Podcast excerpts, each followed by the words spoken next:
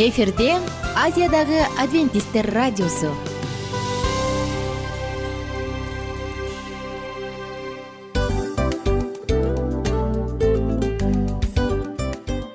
Достор салют. Баардык сүйүктүү угармандарыбызга салам айтабыз. Кутман күнүңүздөр менен.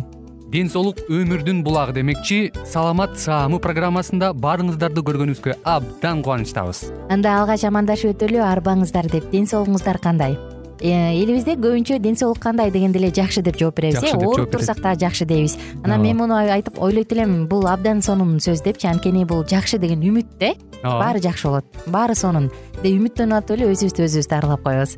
Анысы кандай? Сиздин дагы ден соолугуңуз жакшы беш деген үмүттөбүз чындыгында ден соолук бул өмүрдүн булагы деп бекеринен айтылган эмес деп ойлойм. Кыргыз элинде анткени эгерде ден соолук жок болсо анда адамдын жашоосунда калган баардык керектүү маңыздуу нерселер өзүнүн баалуулугун жоготуп коет. Ошондуктан ден соолук бул эң керектүү нерсе. Ооба туура айтасың кесиптешим чынында ден соолугуң жок бир эки үч күн ооруп калсаң эле кандай болуп калат? Жашоодо көз каранды болуп каласың көп нерсеге жетишпей каласың көп нерсени кыла албай каласың жада калса эшикке дүкөнгө да чыга албай каласың. Туптуура анан ден соолук болсо демек биз биздин бактыбыз тоодой деп койсок болот.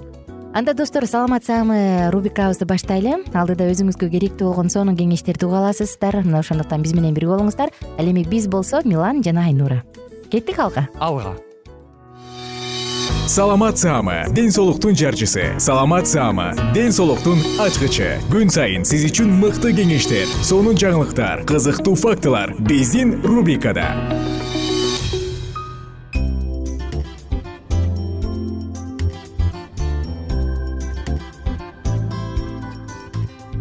Кутмандуу күнүңүздөр менен достор айымдар жана мырзалар жалпыңыздар менен бүгүн колкоо жана кекиртек жөнүндө сөз кылалы деп турабыз тыңдап жатканыңыз саламат саамы жана кызматта мен айнура миназарова.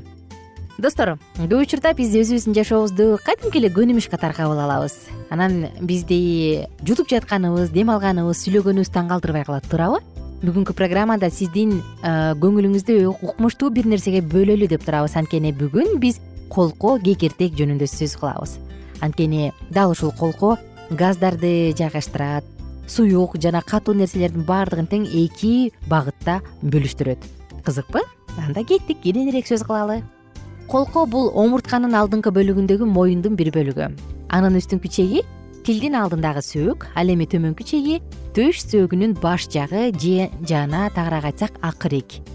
Жалпысынан негизи колкоо деген сөз жөнөкөй адамдар үчүн көнүмүш. Бирок ал жаңы анатомиялык терминологияда жок. Мына ошондуктан колкоо деп айтканда биз жумшак таңдайдын тилчесинен кекиртекке чейинки анатомиялык мейкиндикти айткан болобуз. Ошондой эле колкоонун үстүңкү бөлүгү алкымы жана ылдыйкы бөлүгү кекиртеги бар.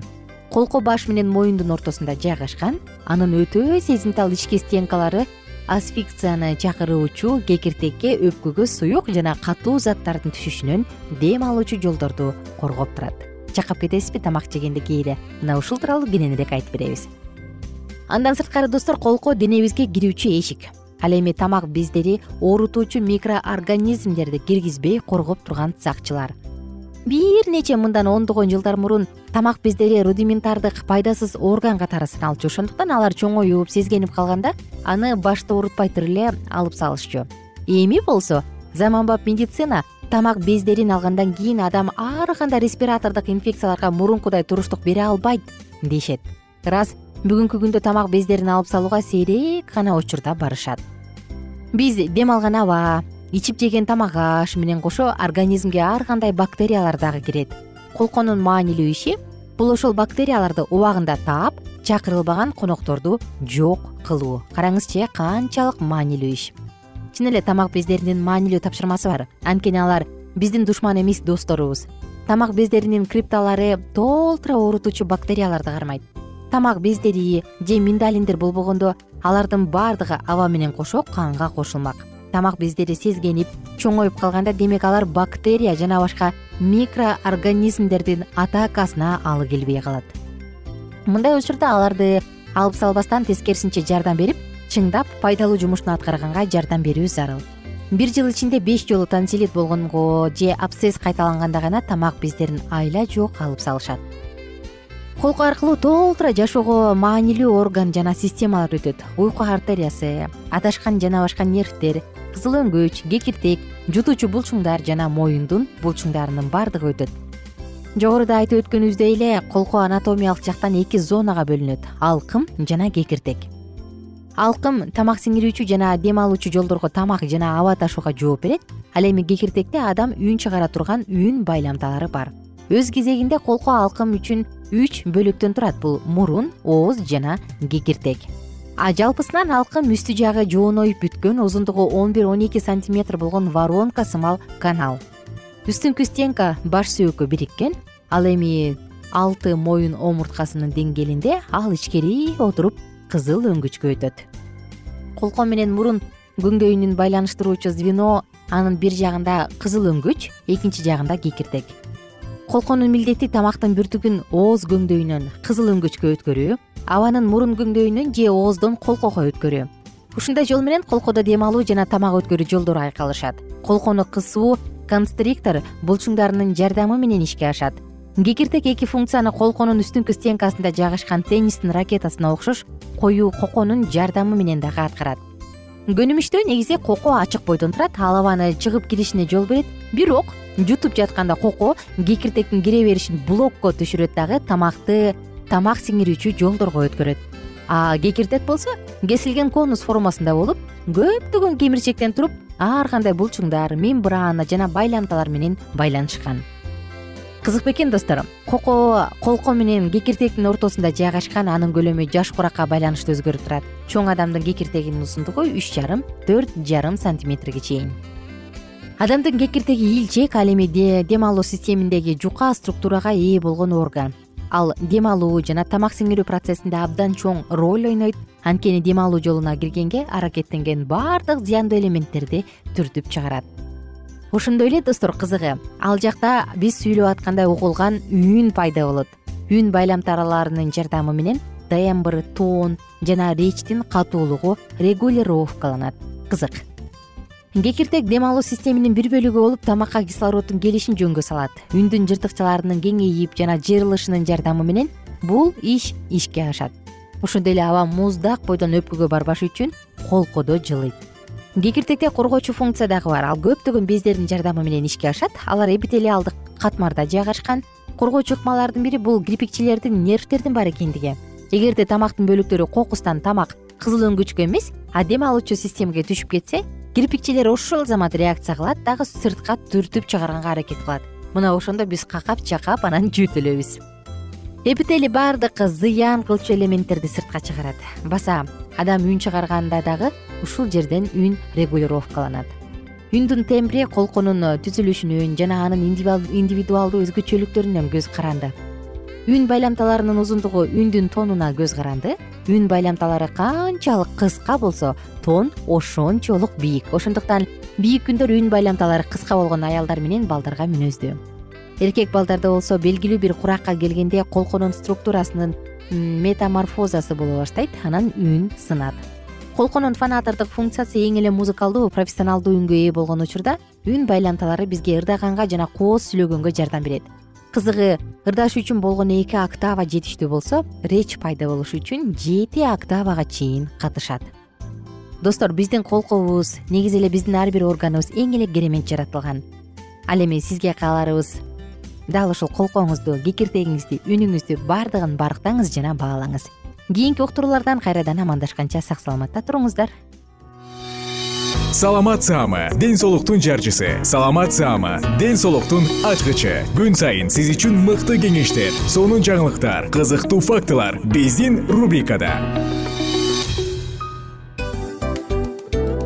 Салют замандаштар баарыңыздарга ысык салам дил маек программабызга кош келиңиздер. Дил маек рубрикасы дегенде эле бул эмне болгон дил маек ким менен маектешебиз деп сурайт болуш керек угармандарыбыз бул рубриканы кыскача тааныштыра кетип турган болсок ар тарап кесип ээлеринен болгон сонун интервью кеңештер бар. Ооба. Жылдыздар менен болгон маек бар. Аталарыбыздын агаларыбыздын чоң аталарыбыздан сонун кеңештер бар.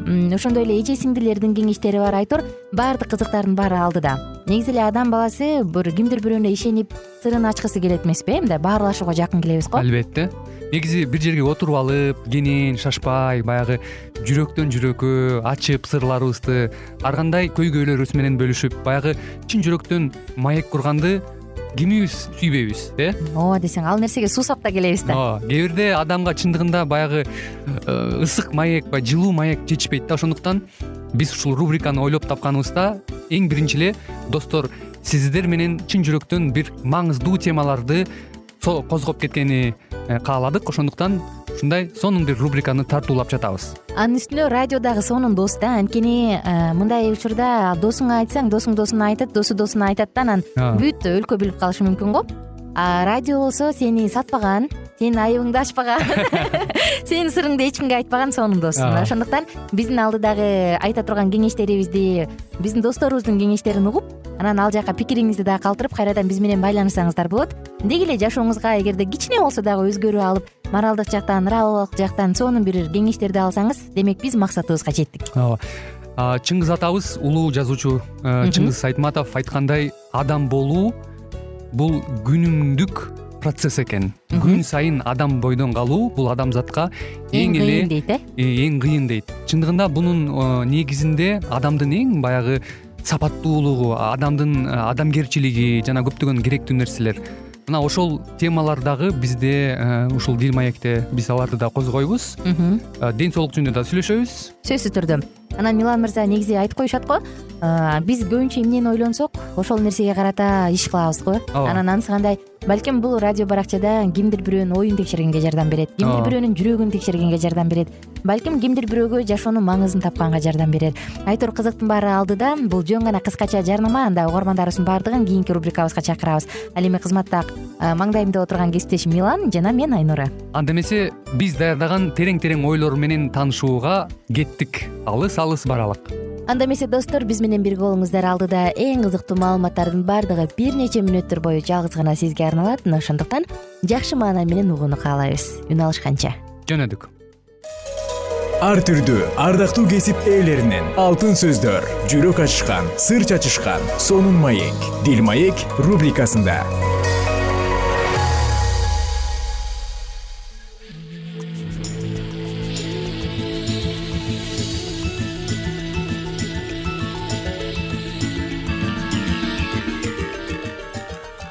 кутмандуу күнүңүздөр менен кымбаттуу радио угармандарыбыз кайрадан эле сиздердин назарыңыздарда бактылуу никенин баалуу эрежелери аттуу берүүбүздү баштамакчыбыз. Бүгүнкү программабыздын чыгарылышында кымбаттуу радио угармандарыбыз биз сиздер менен мен эмне үчүн апамды жакшы көрөм аттуу дил баянга назарыңыздарды оодармакчыбыз андыктан биздин одон алыстабай биз менен биргеликте болуңуздар. Мен эмне үчүн апамды жакшы көрөм? Атам менен апам кечки тамактан кийин телевизор көрүп отурушкан. Апам ордунан туруп кой кеч болуп калды мен уктаганы кеттим деп кухняга кирди. Идиштерди жууп ордуна тизди чай демдеген чайникти алып ичин тазалап эртең менен чай демдегенге даярдап койду. Холодильникти ачып морозильниктен этти алып чыкты. Эртең кечке чейин ээрип калсын деп. Сахарницаны алып шекерден толтуруп салды да столдун үстүн тазалап жыйнап эртең менен чай ичкенге даярдап үстүн салфетка менен жаап койду. Стиральный машинанын ичинен жуулган кирди алып жайып келип кайра эртең жуучу кийимдерди салып даярдап койду. Мусор салган чаканы бошотуп суу болуп калган полотенцени батарейкага жайды. Эртең мененкиге чейин кургап калсын деп анан атамдын көйнөгүн даярдап үзүлгөн топчусун тикти. Гүлдөрүнө суу куйду да эстегенче уктоочу бөлмөсүнө жөнөдү. Инимдин бөлмөсүнө баш бакты да уктап калган инимдин төшөгүн кымтып компьютерди өчүрдү. Жерде чачылып жаткан кийимдерин жыйнап жууй турганын кир жуугуч машинага алып кирип койду. Китептерин алып текчеге тизди. Андан кийин менин бөлмөмө кирди да уктасаңчы эртең жумушка барасың деди. Кийим илгичке илинген сумкасын алып кагаз ручка алды да эртең ала турган продуктылардын тизмесин жазды. Анан ваннага кирип бети колун жууп кремден сүйкөп да тырмактарын карап пилочкасы менен бир тике өгөлөдү да бөлмөсүн көздөй жөнөдү атам болсо ой дагы деле жүрөсүңбү. Жана эле жатам деп кетпедиң беле дегенине ооба азыр жатам деп жооп берди. Эртең суу токтоп калбасын деп идишке суу толтурду. Терезе эшиктер жабыкпы деп бир сыйра текшерип светти өчүрүп бөлмөсүнө буттарын сүйрөп басып жөнөдү. Эртеңки кийимдерин даярдап саатты эртерээк турайын деп будильникке койду да өзүнө өзү жакшы жат деп күбүрөнө көздөрүн жумду уйку сонун арасында эртеңки кыла турган иштерин пландап жатты. Ушул маалда атам кой чарчадым жатайын деп өзүнчө сүйлөндү да дивандан туруп келип телевизорду өчүрүп келип кроватка жатып дароо уйкуга кетти. Бул окуядан таң калыштуу эч нерсе байкаган жоксуңарбы? Алынган маалыматтар боюнча аялдар эркектерге караганда узагыраак жашашат. Эмне үчүн? Себеби аялдар өзгөчө жаралган жандарбыз. Оюбуздагыны аягына чейин чыгармайынча өлгөнгө дагы даяр эмеспиз. Бул жазылгандар эң сулуу аялдарга арналат.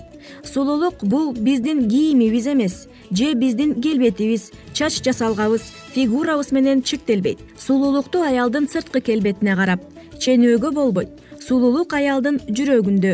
Себеби аял бүт сүйүүсүн ата энесине үй бүлөсүнө сүйгөн жарына балдарына бир туугандарына арнайт. Бактылуу аял ар дайым сулуу. Бул сулуулукту көздөрүнөн байкасаң болот. Себеби жүрөгүндөгү сулуулукту аялдар көз карашы менен билдирип турат. А жан дүйнөсүндөгү сулуулук чексиз. Ошондуктан аял киши жыл өткөн сайын сулуулугу артып ого бетер көркүнө чыгат. Сиз бактылуу айымсыз. Сиздер бактылуу жана сулуу болушка милдеттүүсүңөр. Апаларыбыз ар дайым сулуу болушсун деп жазыптыр кадырман радио каармандарыбыз жогорудагы баяндалып өткөн дил баянда жазылгандай эле бүгүнкү күндөгү үй бүлөлүк шартта көбүнчө э, жубайлар жана ошондой эле айымдар мына ушундай эрктүүлүккө жана ушунчалык э, күч кубатка толуп турган э, сымбаттуу айымдар күчтүү деген ой жаралат. Себеп дегенде айымдар ушунчалык күчтүү жана ошондой эле ошол учурда эрктүүлүгүн көрсөтүп мына ушундай биздин татынакай апаларыбыз деги эле жубайларыбыз аман болсун деген тилегибизди билдирүү менен биргеликте сапарыбызды уланта бермекчибиз. Негизинен эле айымдар эркектерден айырмаланып э, бизге билинбегени менен көптөгөн иштерди дал ушул айымдар бүтүрүп коет эмеспи. Андыктан э, урматтуу айымдар дайыма аман болуңуздар бар болуңуздар деген тилегибизди билдирүү менен сапарыбызды уланта бермекчибиз. Чын эле күчтүү эркектин артында күчтүү аял турат деп айтып коет эмеспи баягы кыргыз элинде айтылган дагы жакшы бир макал бар. Мисалы ханды жаман кылган дагы аял ал эми жаман эркекти хан кылган дагы бул аял деп айтылат эмеспи андыктан андыктан биз мындай деген бүтүмгө келсек болот экен. Никелик жашоодо э, ар бир акылдуу аял демек үй бүлөнүн эң негизги түркөгү болуп саналат экен. Андыктан мына ушундай мүнөзүңүздөрдү эч убакта айымдар жазбаңыздар деген тилекти билдирүү менен биз сиздердин никелик жашооңуздарда ийгиликтерди кааламакчыбыз дагы бир сөз бар эмеспи. Жакшы аял өз үйүн өз колу менен курат ал эми жаман аял өз үйүн өз колу менен бузат албетте мына ушундай жакшы накыл кептер э, сөзсүз түрдө аялдарга мүнөздөмө бере берсек абдан көп. Э, ошондуктан урматтуу айымдар ар дайым бактылуу болуңуздар никелик жашоодо бактылуу никенин даамын татыңыздар. Э, жана ошондой эле өзүңүздөрдүн үй бүлөңүздөргө жолдошуңуздарга балдарыңызга карата болгон сиздердин камкордугуңуздар абдан чоң жана ошол эле учурда сиздер абдан күчтүүсүздөр деген жакшы тилегибизди дагы билдирип кеткибиз келет кээ бир аялдар үйдө отура берип мен эмне ушун үчүн эле жаралдым беле. Эртең менен турам балдарга тамак берем түшкү тамак идиш э, үй жыйноо э, кир жуу ушу менен эле менин өмүрүм өтүп кетеби деп көп адамдар капа болот да. Ооба күнүмдүк э, турмуш менен алып бурушуп атып ушинтип өмүрүм өтүп кетеби деп дагы сарсанаа болгон дагы айымдар катарыбызды ээлейт. Бирок ардактуу айымдар сиздер эч убакта өкүнбөңүздөр. Бирок сиз ошол кылып жаткан ишиңиз менен үй бүлөңүздө бактылуу никенин бекем болушуна сиз эң чоң салым кошуп жатканыңызды эч убакта унутпаңыз. Эң жакшы э, күчтүү инсандардын апалары дайыма үйдө отурушуптур да. Ошон үчүн балким силер дагы үйүңөрдө э, президенттерди чоң чоң адамдарды өстүрүп аткан чыгарсыз сөзсүз түрдө келечектеги коомго пайдасын келтире турчу татыктуу инсандарды сиз бүгүнкү күндө тарбиялап жатканыңызды эч убакта эсиңизден чыгарбаңыз ал эми ардактуу айымдар жана мырзалар баардыгыңыздарга эле сүйүү жаатында башкача айтканда сиздердин никеңиздердин түбөлүктүү болушун тилеген бул бактылуу никенин баалуу эрежелери аттуу программабызда бүгүн биз сиздер менен дал ушул мүнөттөрдө э, жакшынакай э, окуялар менен бөлүшкөнүбүз үчүн биз дагы сыймыктанабыз. Албетте биз кайрадан сиздер менен дал ушул аба толкундан үн алышканча ар бириңиздердин үй бүлөңүздөргө тынчтык кааламакчыбыз ар бир үйдө эрктүү эркек жана назик аялдар болсун. Албетте айтылган баардык тилектер кабыл болсун. Ал эми урматтуу радио каармандар биз сиздер менен коштошобуз. Эмки берүүдөн кайрадан эле сиздер менен бактылуу никенин баалуу эрежелери аттуу берүүбүздөн кезиккенче аман туруңуздар ар түрдүү ардактуу кесип ээлеринен. Алтын сөздөр жүрөк ачышкан сыр чачышкан сонун маек. Дил маек рубрикасында. Жан дүйнөңдү байыткан жүрөгүңдү азыктанткан жашооңо маңыз тартуулаган жан азык рубрикасы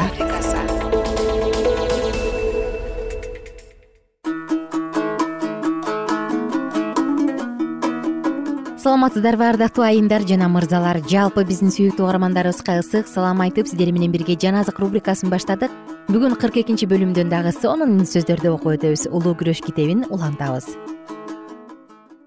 Эгерде алар үчүн кайрадан ырайымдуулук мөөнөтү бериле турган болсо алар ал убакытты баштагысындай эле кудайдын көрсөтмөлөрүнө моюн сунбастан кудайга каршы чыгуу менен өткөрүшмөк. Машаяк келгенде өзү асманга көтөрүлүп кеткен жана периштелер анын келиши жөнүндө кайталап айткан элион тоосуна түшөт. Пайгамбар мындай деп айтат. Менин кудай теңирим жана ага кошулуп бардык ыйыктар келет. Ошол күнү теңирдин буту иерусалимдин маңдайындагы чыгышты караган элион тоосуна басат. Ошондо элион тоосу чыгыштан батышты карай өтө чоң өрөөнгө айланып экиге бөлүнөт. Жана теңир бүт жер жүзүнө падыша болот. Ал күнү теңир бирөө гана болот жана анын ысымы дагы бирөө болот. Захария китеби он төртүнчү бап бешинчи төртүнчү тогузунчу аяттар. Андан кийин көздүн жоосун алган асмандан жаңы иерусалим түшкөндө ал өзүнө даярдалып тазаланган жерге түшөт жана машаяк өзүнүн эли жана периштелери менен бирдикте ыйык шаарга кирет. Эми шайтан аалам үчүн болгон акыркы күрөшүнө даярданат. Адамдарды азгырган күчүнөн ажырагандыктан жамандыктын мырзасы аянычтуу абалда болгон бирок эми адилетсиз адамдар тирилгенден кийин ал тарапта көп сандаган жактоочулар бар экендигин көрөт. Жана анын өчкөн үмүтү кайрадан жанданып улуу күрөштө жеңилүүнү каалаган жок. Жана адилетсиз адамдардан чогулган өзүнүн аскерин өз туусунун алдына алып келип өз көздөгөн максатына жетүүнү каалайт. Адилетсиз адамдар анын туткундары. Машаяктан баш тартуу менен алар козголоңчунун бийлигин кабыл алышкан жана азыр анын буйруктарын көрсөтмөлөрүн аткарууга даяр. Жана азгыруучу өзүнүн айлакердигине ишенимдүү болгондуктан өзүнүн чыныгы сапатын ачык көргөзгөн жок. Ал өзүн ушул дүйнөнүн мыйзамдуу кожоюну экендигин билдирди жана анын бийлигинин мыйзамсыз түрдө тартып алгандыгын айтат. Ал өзүн өзүнүн алданып калган жактоочуларын куткарыш үчүн келгендигин билдирет. Жана ошол себептүү аларды өзү мүрзөлөрдөн тургузуп эми эң жаман зөөкүрдүктөн куткарууга даяр экендигин жарыялайт. Машаяктын жогунан пайдаланып ал өзүнүн укугун далилдеш максатында ар кандай кереметтерди көргөзө баштады. Өзүнүн рухун коюп куюп жандандырып алсыздарды күчкө толтурду жана аларды ыйыктардын коошунуна барып кудайдын шаарын басып алууга чакырат. Табалоо менен ал көп сандаган өлгөн дөн тирилген адамдарды көргөзүп өзүнүн күчү менен ал бул шаардын талкан ташын чыгарууга күчү жете тургандыгын жана өзүнө тийиштүү болгон падышалыкты жана тактыны кайрып ала тургандыгын айтат. Бул учук ырына көз жетпеген адамдардын ичинде топон сууга чейин узак жашаган дөө сыяктуу алп жана шайтандын таасирине кабылып калган өзүнүн бардык билимин өзүн көтөрүү үчүн колдонгон адамдар бар. Бул адамдар маданияттын көз жоосун алган сулуулуктарын жараткан жана алардын акылына дүйнө башын ийген жана алар өздөрүнүн зөөкүрлүгү менен жана үрөйдү учурарлык ойлоп табуулары менен жерди булгашкан. Кудайдын түспөлүн бурмалашты. Теңирдин аларды жер үстүнөн жок кылуусун сурап алышты. Бул жерде аскер башчылары жана падышалар калктарды жеңген эр жүрөк адамдар алар бир дагы кармаштарда жеңилүүнү билишкен эмес. Жана текебер өзүн жогору көтөргөн жоокерлер алардын жакындашы менен падышалыктары титирешкен өлүм аларды өзгөрткөн эмес. Алар мүрзөлөрдөн турары менен аларды өлүм алдында эмне кызыктырган болсо ошол жөнүндө гана ой жүгүртүшөт жана аларды баштагы мезгилдерде кызыктырган басып алуулар кызыктырат. Шайтан өзүнүн периштелери падышалар басып алуучулар жана дүйнөнүн күчтүүлөрү менен кеңеш жүргүзөт. Өз күчтөрүн жана сан жагынан артыкчылыктарын сезүү менен шаардын ичиндеги аскер алардан аз жана аларды жеңип алууга болот деген чечимге келишет алар жаңы иерусалимдин байлыктарын жана даңкын жеңип алуу пландарын курушат. Жана бардыгы ошол замат согушуу үчүн даярдык көрө башташат. Курал кылган чеберлер курал жасашып өз жеңиштери менен урматталган аскер башчылар жоокерлерди даярдайт. Акыры кол салуу үчүн буйрук берилет жана сансыз көп аскер ордунан жылды. Жер үстүндө согуш болгондон бери жерди багындыргандардын мынчалыктуу көп бардык мезгилдеги баскынчыларды бириктирген аскери болгон эмес эң эле кудуреттүү баскынчы шайтан алдыда. Жана анын периштелери бул акыркы кармашка өз күчтөрүн бириктирип бара жатышат. Алардын катарларында падышалар жоокерлер жана алар ар башка болуп тизилип турушат. Алардын ар биринин өз жетекчилери бар. Толук аскерлик тартип менен тигизилген адамдар өйдө ылдый болуп бузулган жер үстү менен кудайдын шаарын көздөй бет алышты ыйсанын буйругу боюнча жаңы иерусалимдин дарбазалары жабылып шайтандын аскери басып алуу үчүн шаарды курчай башташты. Эми машаяктын душмандары кайрадан аны көрүшөт. Бийик. Көз жоосун алган алтын шаардын үстүндө бийик коюлган такты турат. Ал тактынын үстүндө кудай уулу жана анын айланасында анын падышалыгынын өкүлдөрү. Машаяктын улуулугунун жана кудуреттүүлүгүнүн бир дагы ооз айтып жана бир дагы калем жазып жеткире албайт. Түбөлүктүү атанын даңкы уулду курчап турат. Андан чыгып турган жарык кудай шаарын толтурат жана дарбазалар аркылуу түгөл жер үстүн жарык кылат.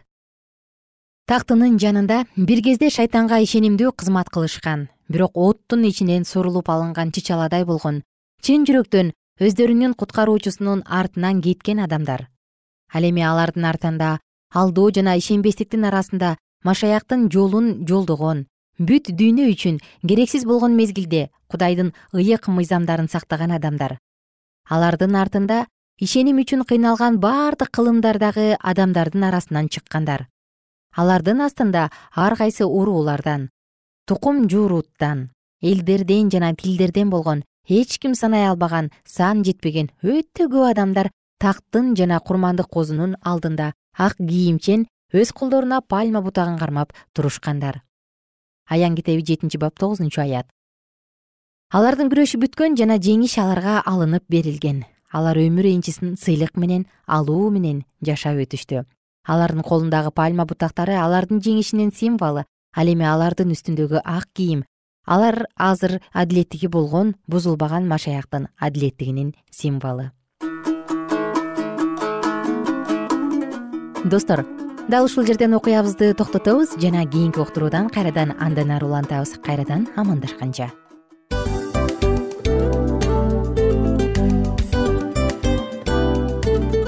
Ушул менен достор программабыздын уктуруубуздун эң кайгылуу мөөнөтүнө келип жеттик.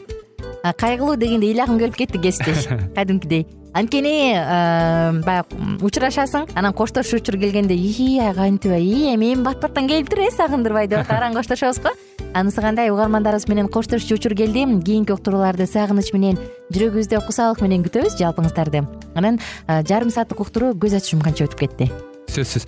Бирок бизде жакшы кабар бар. Кийинки уктурууларыбызда сөзсүз дагы кезигишебиз. Анткени биз көптөгөн сюрприздерди кызыктуу маалыматтарды жана керектүү керектүү нерселердин көбүнчөсүн даярдадык андай угармандарыбыздын баардыгына ийгиликтүү күн каалайбыз. Эгерде бүгүнкү күнүңүз өзгөчө э, өтүшүн кааласаңыз анда позитивдүү ой жүгүртүп жылмайып жакындарыңызга жакшы маанай тартуулап жүрө бериңиз. Анткени сөзсүз түрдө мунун арты кайтат э сөзсүз. Баягы ден соолугуң оңолот ал бул деп көп нерсени санап келебиз. Эң негизгиси бул сиздин жашооңузду жаркын кыла түшөт экен. Жараткан кудай ар бирөөңүздөргө батасын берсин жашооңуз ийгиликтүү болсун сак саламатта калыңыздар деп мен милан жана кесиптешим айнура. Баардыгыңыздар менен кийинки уктурууда үн алышканча баарыңыздарга ийгилик каалайбыз.